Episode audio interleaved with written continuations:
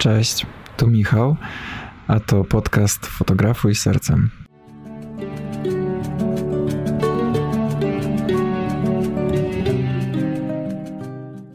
Słuchajcie, ostatnio mi moja osoba bliska, z, którą, z której zdaniem bardzo się liczę, powiedziała, że trochę za dużo ostatnio udostępniam kontentu, gdzie mówię ludziom, jak mają żyć i mm, swoich jakichś takich kontrowersyjnych poglądów y, wygłaszam.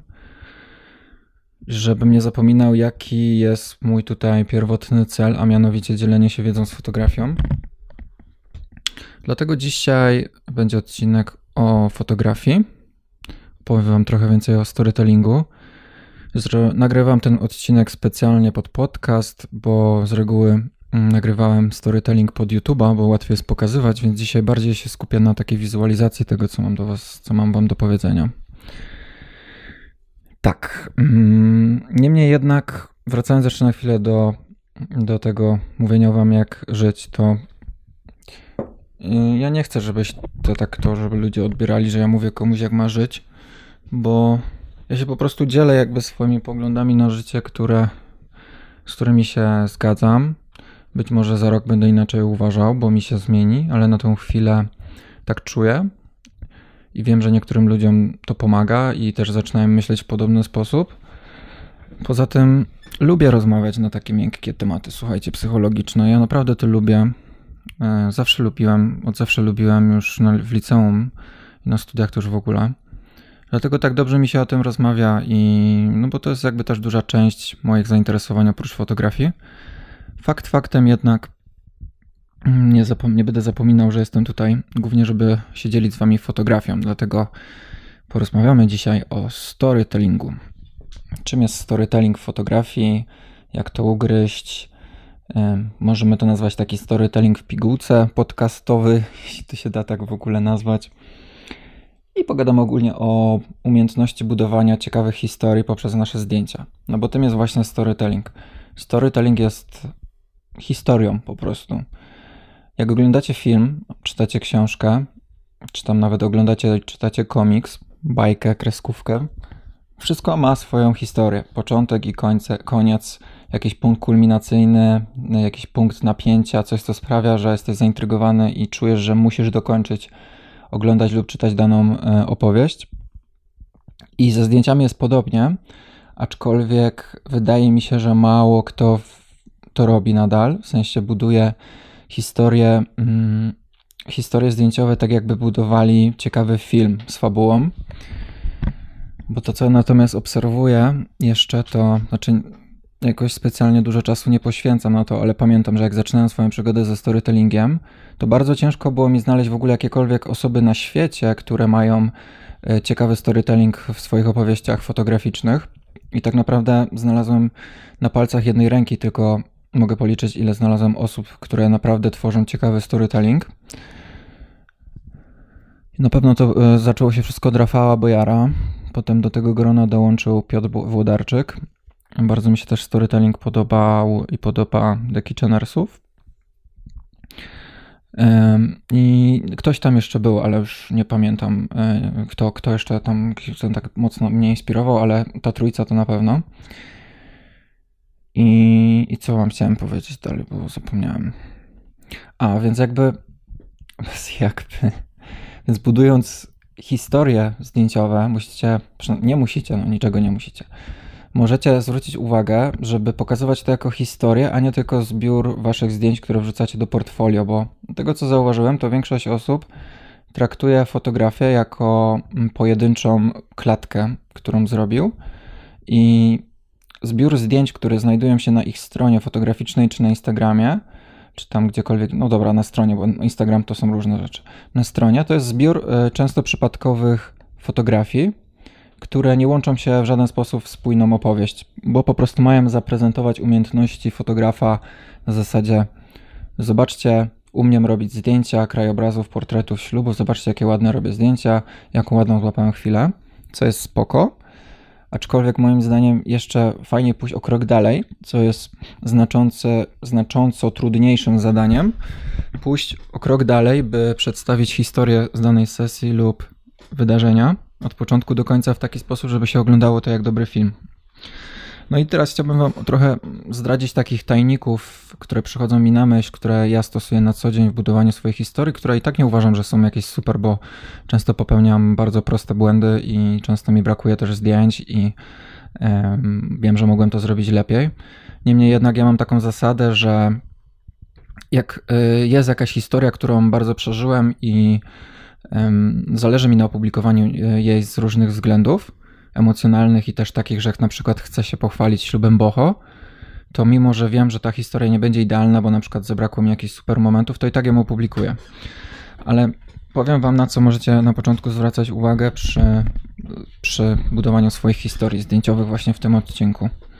Więc przede wszystkim, jak robicie jakąś sesję, mm, szczególnie musicie sobie przede wszystkim zdać sprawę, że jak robicie jakąś sesję, to najfajniej jest właśnie zacząć robić takie sesje albo jakieś swoje projekty za darmo, żeby całkowicie e, zrzucić z siebie presję, że to mają być mm, idealne zdjęcia jakieś tam dla klienta, tylko wiem, że buduję to dla siebie, że chcę mieć fajną historię na stronę i że moi klienci też dostaną super zdjęcia, czy tam osoby, którym robię te zdjęcia za darmo.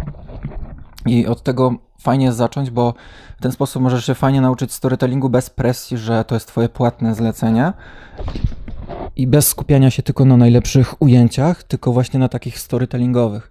Bo słuchajcie, w budowaniu historii często jest tak, że często się wyrzuca najlepsze zdjęcia nawet z całej sesji lub ślubu, tylko i wyłącznie dlatego, że nie pasują do konspektu całej historii.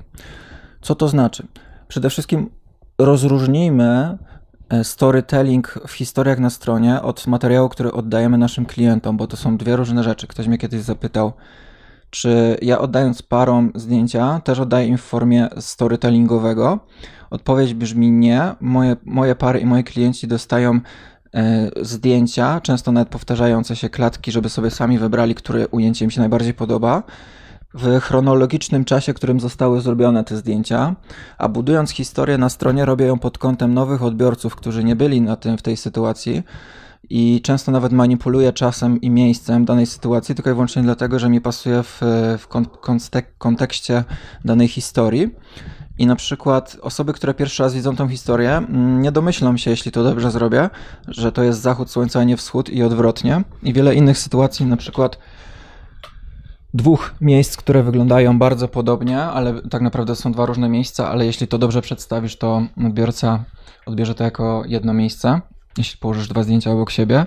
Tylko cała sztuka polega właśnie na zachowaniu odpowiedniej spójności i żeby to zrobić dobrze, e, bo nie sztuką jest powrzucać różne zdjęcia, tylko sztuką jest właśnie pokazać to też w spójny sposób, o czym porozmawiamy zaraz.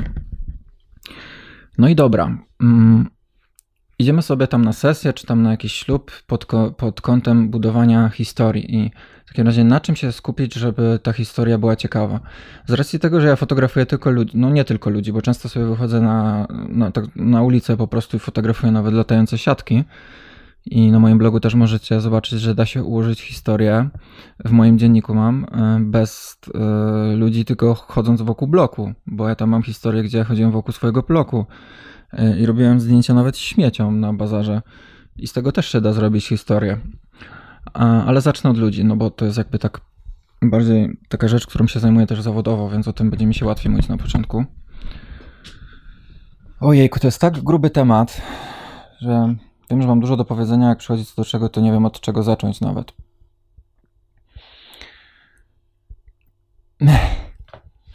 Dobra, ja mam przede wszystkim taką zasadę, że jak przedstawiam jakąś historię na stronie w formie storytellingowej, to po pierwsze musi być zachowana spójność w obróbce, czyli na zasadzie, jeśli decyduje się na obrabianie zdjęć w taki konkretny sposób, na przykład ziarnem i w, w konkretnych odcieniach szarości lub wyblakłymi czerniami, to trzymam się tego stylu do końca opowiadania danej historii i nie zmieniam tego w połowie na przykład na jaskrawe czy mega kontrastowe rzeczy, bo to po prostu sprawi taki dysonans w głowie odbiorcy na zasadzie wyobraźcie sobie, że oglądacie e, film czarno-biały, a za chwilę pojawia się przez dwie minuty część kolorowego i potem znowu przechodzi do czarno-białego i macie takie na zasadzie what the fuck w ogóle, co się stało.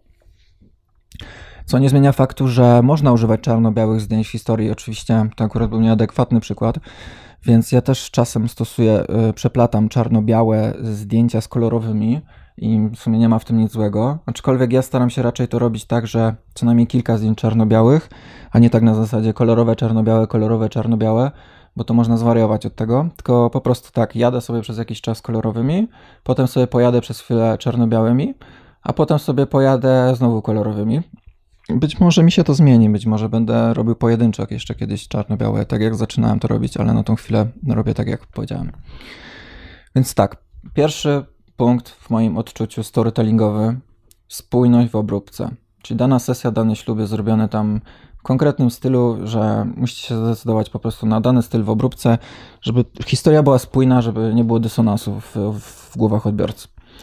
Druga rzecz, musicie sobie zdać sprawę, że nawet jak robicie sesję portretową, która z założenia polega na robieniu portretów, to jeśli chcecie zbudować historię z tej sesji, to musicie mieć też zdjęcia, które nie będą portretami, ale też dalszymi ujęciami i szerszymi kadrami, żeby pokazać cały kontekst danej sytuacji.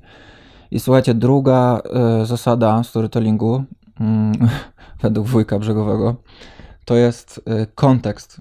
Kontekst danej sytuacji, że na przykład przypuśćmy, mamy sobie jakąś tam kobitkę lub jakąś parę, która nagle znajduje się w lesie, a kolejne zdjęcie wskazuje, że znajdują się w mieszkaniu i odbiorca się zastanawia, który tam nie był, jak do cholery oni się znaleźli w domu albo w lesie, bo nie widzą kontekstu sytuacji. Więc, żeby zbudować kontekst sytuacji, zawsze będziecie potrzebować jakieś szersze ujęcia. Czyli na przykład, jeśli e, sesja odbywa się w lesie, to możecie rozpocząć sesję szerszym ujęciem lasu, wprowadzić e, widza do lasu, jak na przykład para czy tam modelka wchodzi do lasu, albo nawet samych drzew zrobić e, zdjęcie, pokazać. I na przykład po tym wprowadzonym zdjęciu możecie już wprowadzić waszą fotografowaną osobę i już wiadomo, że ona jest w lesie, a nie, że się teleportowała do tego lasu z nie wiadomo skąd. I słuchajcie, tak samo, jeśli chcecie przenieść tę modelkę z lasu do mieszkania, to nie możecie jej nagle z lasu przenieść do mieszkania, tylko musicie pokazać, znaczy nie musicie, ale możecie pokazać jej podróż e, z mieszkania do Boże, z lasu do mieszkania, żeby zachować kontekst. Można tak naprawdę tą podróż e, pokazać na jednym zdjęciu, jak chcecie. Czyli na przykład pokazać dziewczynę, jak wychodzi z lasu, za, którymi, za którym się pojawiają już budynki i te budynki widać w tle i widać, że ona idzie w kierunku w tych budynków. I teraz jeśli następne zdjęcie w historii będzie w budynku, to to ma oczywiście jak najbardziej sens w storytellingu, ale, ale jak ona wychodzi z lasu i nie widać tych budynków, to kontekst jest już... Yy, zaburzone, nie do końca będzie wiadomo, czy ona wyszła z lasu i coś, co, gdzie idzie tak naprawdę, więc te budynki są wskazane, żeby się pojawiły. Tak samo mm, na ślubach jest z kolei tak, że jak e, przenosicie akcję z kościoła do, na wesele lub z przygotowań na ślub, fajnie jest pokazać chociaż jednym, dwoma zdjęciami, mm, jak oni się znaleźli w tym kościele. Możecie to zrobić na wiele różnych sposobów. Jeśli kościół jest blisko e, przygotowań panny młodej, to ja nawet pokazuję po prostu kościół w oddali, zrobiłem zdjęcie przez okno. Luncia, halo, przestań. Kot mi śpiewa. Albo po prostu jak na przykład Państwo młodzi wsiadają do samochodu lub gdzieś tam znikają w oddali i widać, że idą w kierunku miasta. No nie? Coś takiego, takie zdjęcie, to już będzie sugerować, że idą na swój ślub. I Oczywiście to nie jest, wiecie, must have. Możecie od razu przejść z przygotowań na ceremonię ślubną, jak oni wchodzą do kościoła.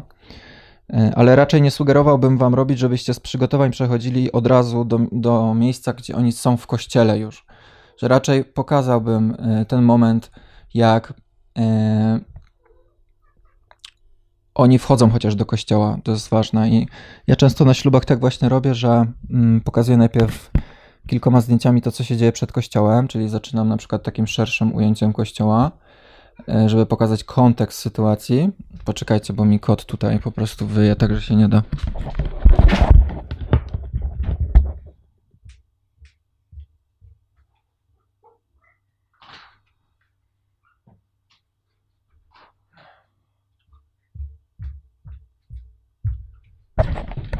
Darła się, że na balkon chcę.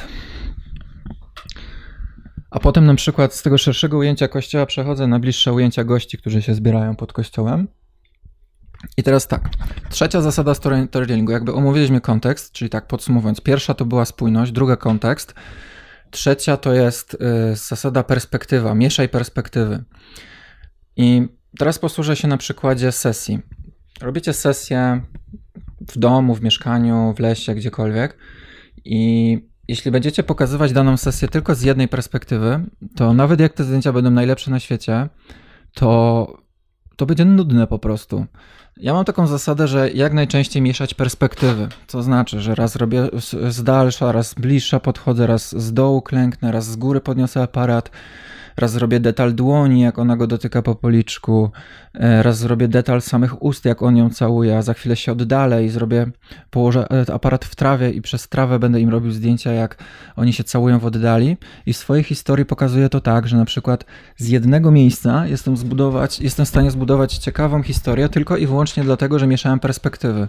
Ale jeśli w trakcie robienia zdjęć e, nie będziecie tego robić, to, mm, że tak powiem, z pustego Salomon nie naleje więc już nic z tym nie zrobicie. Dlatego o storytellingu warto myśleć już w trakcie robienia zdjęć, a nie tylko w postprodukcji.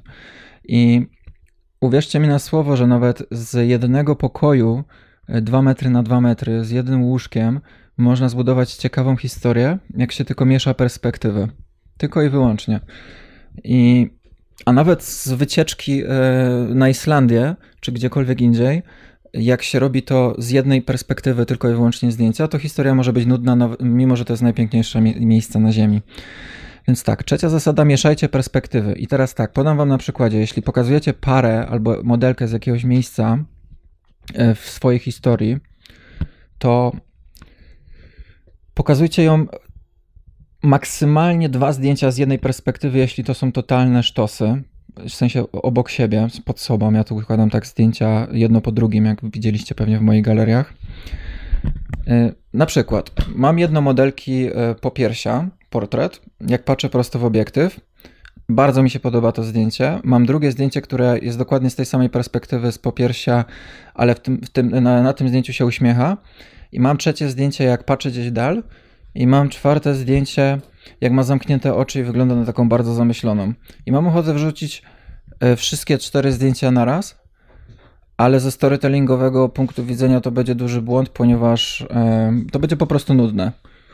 I muszę się zdecydować, mimo że mi się podoba super wszystkie te zdjęcia, muszę się zdecydować na jedno z tych zdjęć. I często to są ciężkie decyzje, bo jak mi się bardzo podobają zdjęcia. Oczywiście wszystkie te zdjęcia dostanie moja modelka czy tam para, ale w swojej historii użyję jednego, ewentualnie maksymalnie dwóch, jak to jest coś naprawdę bardzo, bardzo emocjonalnego. Więc tak, umieszczam jedno zdjęcie popiersia danej osoby i kolejnym zdjęciem na przykład będzie detal, gdzie pokażę jej usta na przykład, czy jej dłonie. Kolejnym zdjęciem będzie z kolei odsunięcie się od niej i pokazanie jej całej sylwetki z dalsza.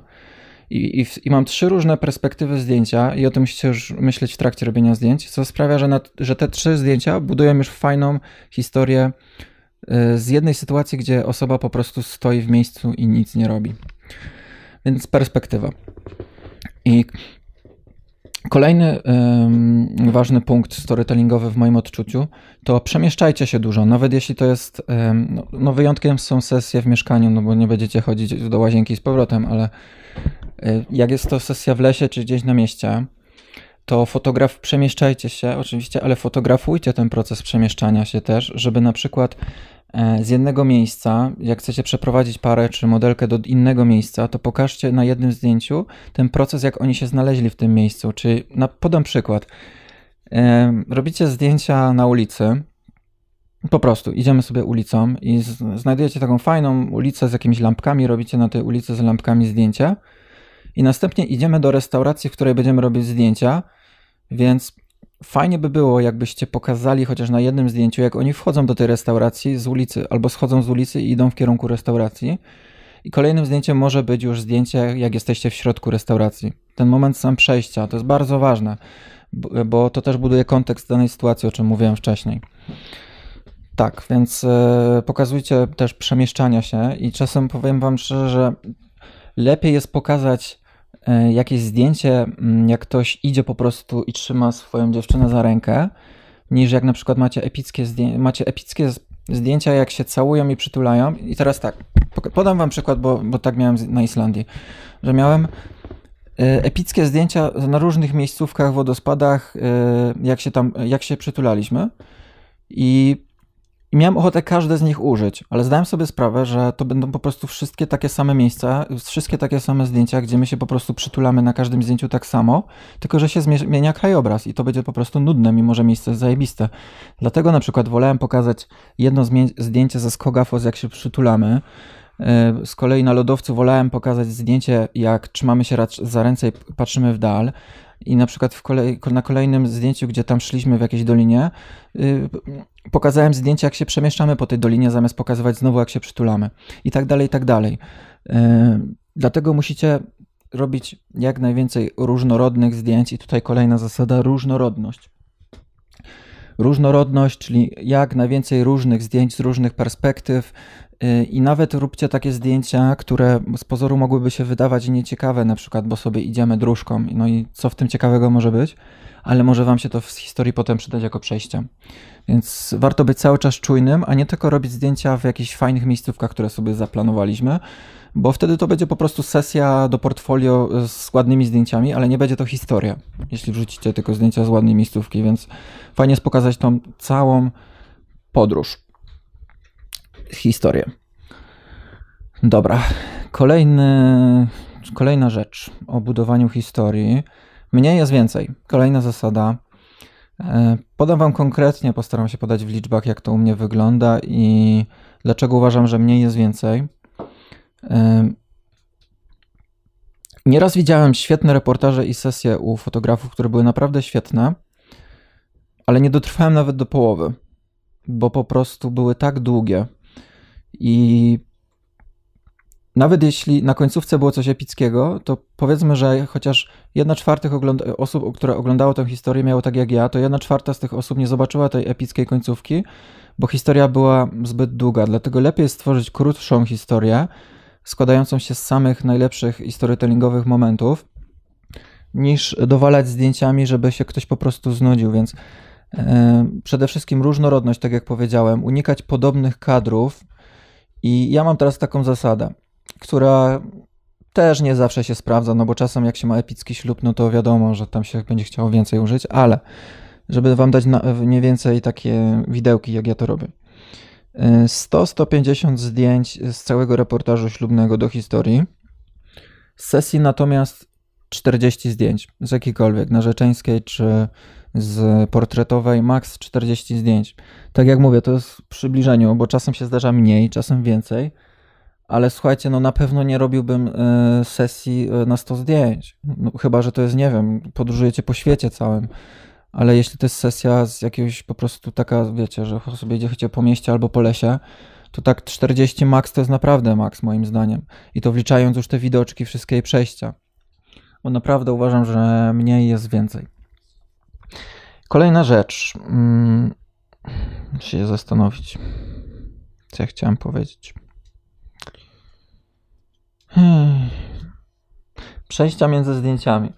Są fajne takie zabiegi e, storytellingowe, które możecie, z których możecie korzystać, żeby zdjęcie nabrało jeszcze fajniejszego aspektu w oglądaniu, a mianowicie Możecie robić fajne przejścia między górnym zdjęciem a dolnym. Na przykład możecie przechodzić ciemnym w ciemne, czyli na przykład dół zdjęcia będzie ciemniejszy, specjalnie przyciemnicie w Photoshopie czy tam Lightroomie i wybierzecie takie zdjęcie, które będzie miało góry ciemne i będzie przechodzić ciemne w ciemne, albo zielone w zielone, albo jasne w jasne. I to się będzie ładniej i fajniej oglądać, niż jak będziecie yy, skakać na przykład całe zdjęcie ciemne, całe jasne, potem znowu ciemne. Więc jak już robicie jakieś ciemne zdjęcia z jakiegoś ciemnego miejsca, to idźcie przez chwilę tymi ciemnymi zdjęciami, a potem przejdźcie stopniowo w coraz jaśniejsze, że raczej unikałbym sytuacji, że rozrzucacie e, zdjęcia różnej dyspozycji, e, ekspozycji obok siebie. I teraz tak, kolejna rzecz z przejściami. Możecie przechodzić zdjęcie w zdjęcie linią, na przykład linia znaka, znaku pośrodku, pośrodku zdjęcia może łączyć dwa pionowe zdjęcia na dole i to fajnie będą się linie łączyć, albo jakaś barierka może przechodzić w gałąź drzewa na kolejnym zdjęciu, Możecie przechodzić kształtami, na przykład e, pokażecie zdjęcie mm, drzwi prostokątnych, a na następnym zdjęciu pokażecie jakiś inny kształt, na przykład koło i to będziecie przechodzić kształtem w kształt i to też będzie ciekawe. Albo pokazać e, duże, okrągłe okno, a na następnym zdjęciu okrągły wieniec. I to też przechodzenie z, z, z kształtem w kształt. Więc tak, przechodzenie ekspozycją, jasnością, ekspozycją, przechodzenie kolorem, zielone w zielone na przykład, przechodzenie liniami, kształtami. I teraz tak, mm, jak jesteśmy już przy tym, to powiem Wam o, też o cyklu dnia w historii. Tworząc daną historię, staram się zachować, tak jak już wspomniałem, taką zasadę, że jak jest ciemno, to jest ciemno, jak jest jasno, to jest jasno. I do tego przydaje się taka fajna zasada cyklu dnia, że dzień wstaje, dzień powstaje, jest jasno i dzień zachodzi i jest znowu ciemno. Jak budujecie historię na przykład z całego dnia, to dobrze jest zacząć na przykład od ciemniejszych zdjęć, jak, to, jak ten dzień powstaje i coraz wyżej jest słońce i coraz jaśniejsze są zdjęcia i potem jest coraz ciemniejsze, ciemniejsze i najciemniejszymi zdjęciami kończycie historię.